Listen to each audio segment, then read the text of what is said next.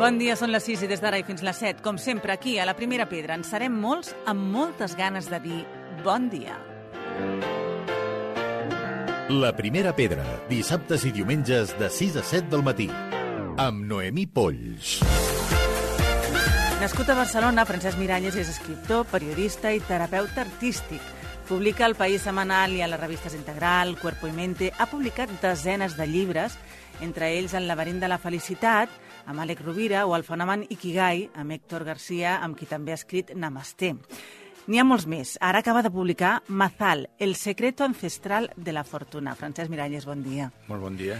Molt contents de tenir aquest llibre, que jo ja mm, m'avanço a dir que ho petarà també, perquè és que, mm, clar, molts d'aquests llibres, la majoria són supervendes, giren al voltant d'una idea, que jo diria que és trobar la felicitat, no? És el La sentit de viure, la fortuna. Aquesta cosa tan abstracta que per cada persona significa una cosa diferent, lògicament. Suposo que per això hi ha tanta necessitat també de, de, de buscar un en literatura, no? I amb una literatura com la que tu fas, que acaba sent supervendes, però perquè tots tenim aquesta necessitat, no? Sí, uh, a veure, crec que la literatura de desenvolupament personal ha anat canviat molt. En els anys 60-70 era com prescriptiva, era un, normalment un senyor gran que et deia el que havies de fer. I això ja, ja no és així. Llavors, jo diria que els llibres avui en dia que parlen de psicologia, d'espiritualitat, són més horitzontals i et parlen de tu a tu. I per això, a l'hora de parlar de, de la sort, de la bona estrella a la vida, jo vaig triar una faula entre dos ciutats que m'agraden molt i que he residit a totes dues, per, a través d'aquesta història d'un home sense sort, entre cometes, doncs poder explicar aquests conceptes d'una manera molt més divertida que no fer un manual amb topos dient el que s'ha de fer. No, no, eh, és un llibre facilíssim de llegir, eh, que t'acompanya i que una vegada hi entres no vols deixar-ho perquè hi entres molt fàcil, però és que a més a més parla de, de temes emocionals que de fet tots ens hi veiem, tots necessitem d'alguns consells, que són els que també recull el llibre, i, i aquests temes emocionals normalment són difícils de tractar. De fet, en la societat veiem que les llistes d'espera en salut pública pel que fa a temes de psicologia són llarguíssimes. Eh, Què ens està passant? O sigui, per què tenim tanta necessitat de que algú ens parli una, amb una certa profunditat. Perquè eh, estem sotmesos a, a molt estrès i fins i tot professions que la gent no sap de quina manera es viuen, es viuen de manera dramàtica. L'altre dia llegia unes estadístiques que la professió dels metges és on hi ha més depressions i més baixes. Imagina, i, so, i són metges, i saben com Sí, va sí. el cos, i com van els nervis, i com va la salut. Mm, Un altre psicòleg em deia que tenia consulta molts directors de caixa d'estalvis per que tenen contradiccions internes de vegades entre el que els hi fan vendre, el que voldrien fer. Llavors, al final tothom busca un propòsit a la vida, alguna cosa amb la que tu et puguis sentir en pau en tu mateix i que sentis que fas una aportació a la societat. Si això no ho tens, et sentiràs sempre buit o et sentiràs en contradicció. Clar, parlem d'aquesta bondat interna també, que, Sí. que és la que en teoria ens fa anar endavant, però després hi ha articles i estudis que diuen que els perfils dels dirigents són psicòpates. hi ha una gran contradicció amb tot però ells això. no ho pensen. Aquí, això és interessant, l'altre dia parlant amb en Xavier Guix, un, un psicòleg molt bon amic, eh, vam arribar a, la, a aquesta conclusió. O sigui, si es fes un llibre sobre la bona gent, el voldria comprar el 100% de la gent perquè tothom pensa que és bo i que potser els altres no ho són. I ara mateix, per exemple, estic llegint la biografia de l'Elon Musk, escrita per Isaacson, que és el bi- biògraf que va fer l'Steve Jobs i tot això, sobre la superfície també és una persona maltractadora dels seus companys de feina, de, de tothom, no? Però eh, quan veus una mica el seu passat i les seves guerres internes entens el per què és així. Llavors, al final, tot això t'ho explico perquè quan una persona és molt conflictiva és perquè porta fora una guerra que té dins de si mateixa. Llavors, si tu esbrines què et passa, què et fa sentir insegur, què és el que no has acceptat de tu mateix, què és el que voldries fer i que potser no estàs fent, doncs aquest conflicte en el món s'acaba. Per tant, aconsegueixes la pau per tu, malgrat que potser no sigui l'èxit visual És que de la resta. no, És que eh, èxit i felicitat són dues paraules comodí, que pot significar qualsevol cosa. O sigui, èxit per una persona que està ingressada en un hospital amb pronòstic greu és sortir-se'n. I a aquesta persona no li parlis de diners o de tenir seguidors a Instagram. De fet, l'Steve Jobs al final també eh, desitjava només salut, no? Exacte. Sí. I èxit per algú que està sol i voldria companyia seria trobar una ànima que ressoni. Per tant, jo diria que l'èxit en si és poder fer allò que tu sents que has vingut a fer al món i no té a veure amb els diners, no té a veure amb els seguidors, amb les propietats, ni amb cap altra cosa. Llavors, només cadascú pot saber el que és allò que el pot fer sentir realitzat.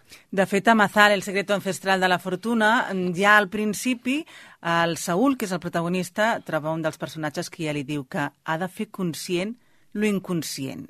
I sí. això que és molt breu, és molt dens, però és que vivim en pilot automàtic, no? Sí. Vivim en la inconsciència moltes vegades. Uh, això és molt important. Això és, al principi de tot, el protagonista, que és un home que perd totes les feines, que li surten malament tots els negocis, no té amics, no té parella, va parar per casualitat a això que n'hi ha tant als Estats Units, sobretot a Nova York, eh, que posa psychic, no? que com mentalistes que et reben.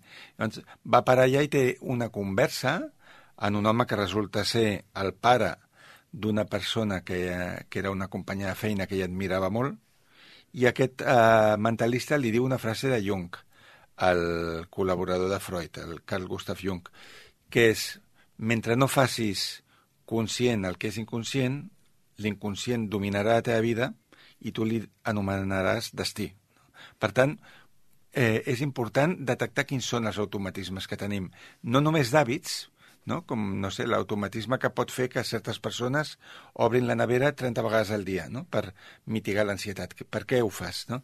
Sinó també de pensaments que tenim recurrents, que no serveixen per res, que serien com pensaments d'escombraria i que ens mantenen en un lloc que no hem d'estar. Mm -hmm. Per tant, conèixer-nos a nosaltres mateixos, deixar aquest pilot automàtic i també hi ha un altre moment en què diu no hi ha restaurants de cuina ràpida per la fortuna. Exacte. Eh, Però estem fet, acostumats a això. De fet, Volem si, tot immediat. si mirem la gent realment d'èxit, que han aconseguit coses importants, mm, abans han tingut un munt de fracassos i pensen a mig i a llarg plaç.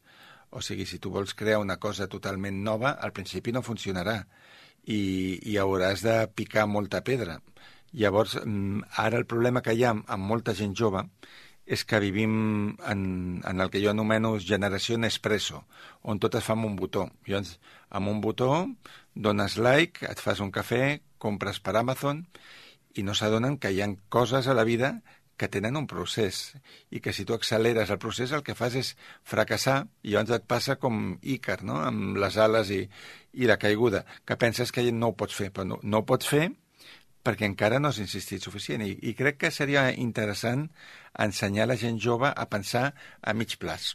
Ja no diguem a, a llarg, a mig. Dir, bueno, d'aquí tres anys on vols estar i quines coses has de fer per arribar allà.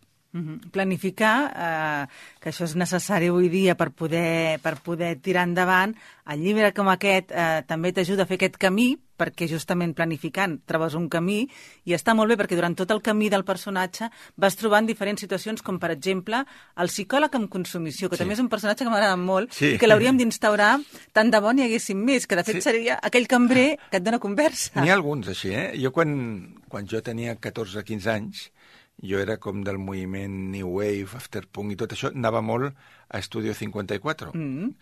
a veure concerts. I no sé, ja vaig veure Depeche Mode quan començaven, Ultravox, i al costat havia un cafè, que es deia Cafè Espanyol, que encara existeix, on havia un cambrer que semblava el ros de la trinca, però no era ell, que tothom anava aquí cantó de la barra, perquè ell donava conversa a tothom. Llavors et feia bromes, et preguntava per la teva vida, donava consells, i d'alguna manera aquest Joseph, aquest cambrer que cada dia quan el protagonista va esmorzar li dona conversa, és un psicòleg en consumició, en el sentit que et serveix un esmorzar, et serveix una cervesa, però en realitat el que fa és parlar i, i fer-te una mica de mirall, no?, perquè hi puguis reflexionar.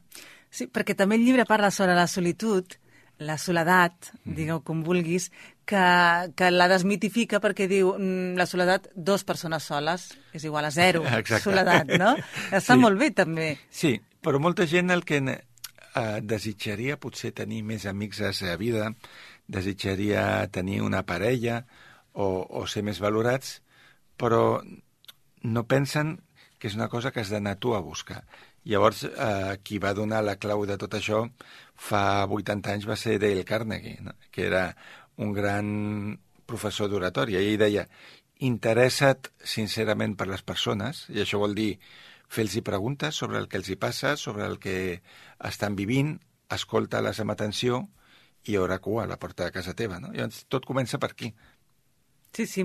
Uh, el que a vegades també ens passa és que, i abans ho comentàvem, que no sempre trobes gent que et doni converses tan interessants com les del llibre. I tu em deies, sí, si et deixes, sí, seria aquest criteri una mica també, no? Obrir-te. Sí, eh, jo crec que de la quantitat surt la qualitat. Llavors, si tu ets una persona inquieta, vas a llocs on hi ha gent interessant, no sé, a presentació de llibres, a una conferència, a un curs, fas un viatge. Jo he, tra vaig, he treballat molts anys de cooperant, hi havia molta gent interessant mm, a, a Croàcia durant la guerra, hi havia tant gent jove que treballaven a camps de refugiats com jo, com un senyor de 70 anys que estava jubilat i venia de Suècia a sentir-se útil. Llavors, si vas als llocs on es treballa amb l'art, on es treballa amb projectes ecologistes, amb solidaritat, trobaràs molta gent amb històries fascinants, però per això has de voler preguntar i has de voler escoltar.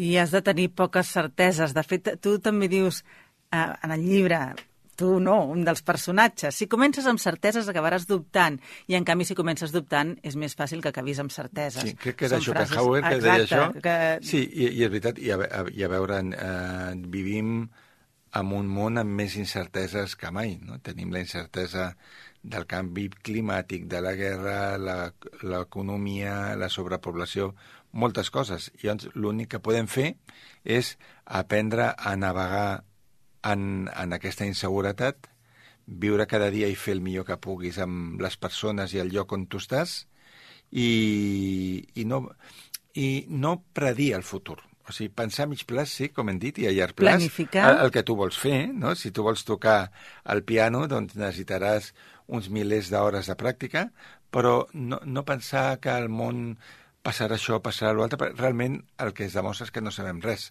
que es preveu una cosa i en passa una altra.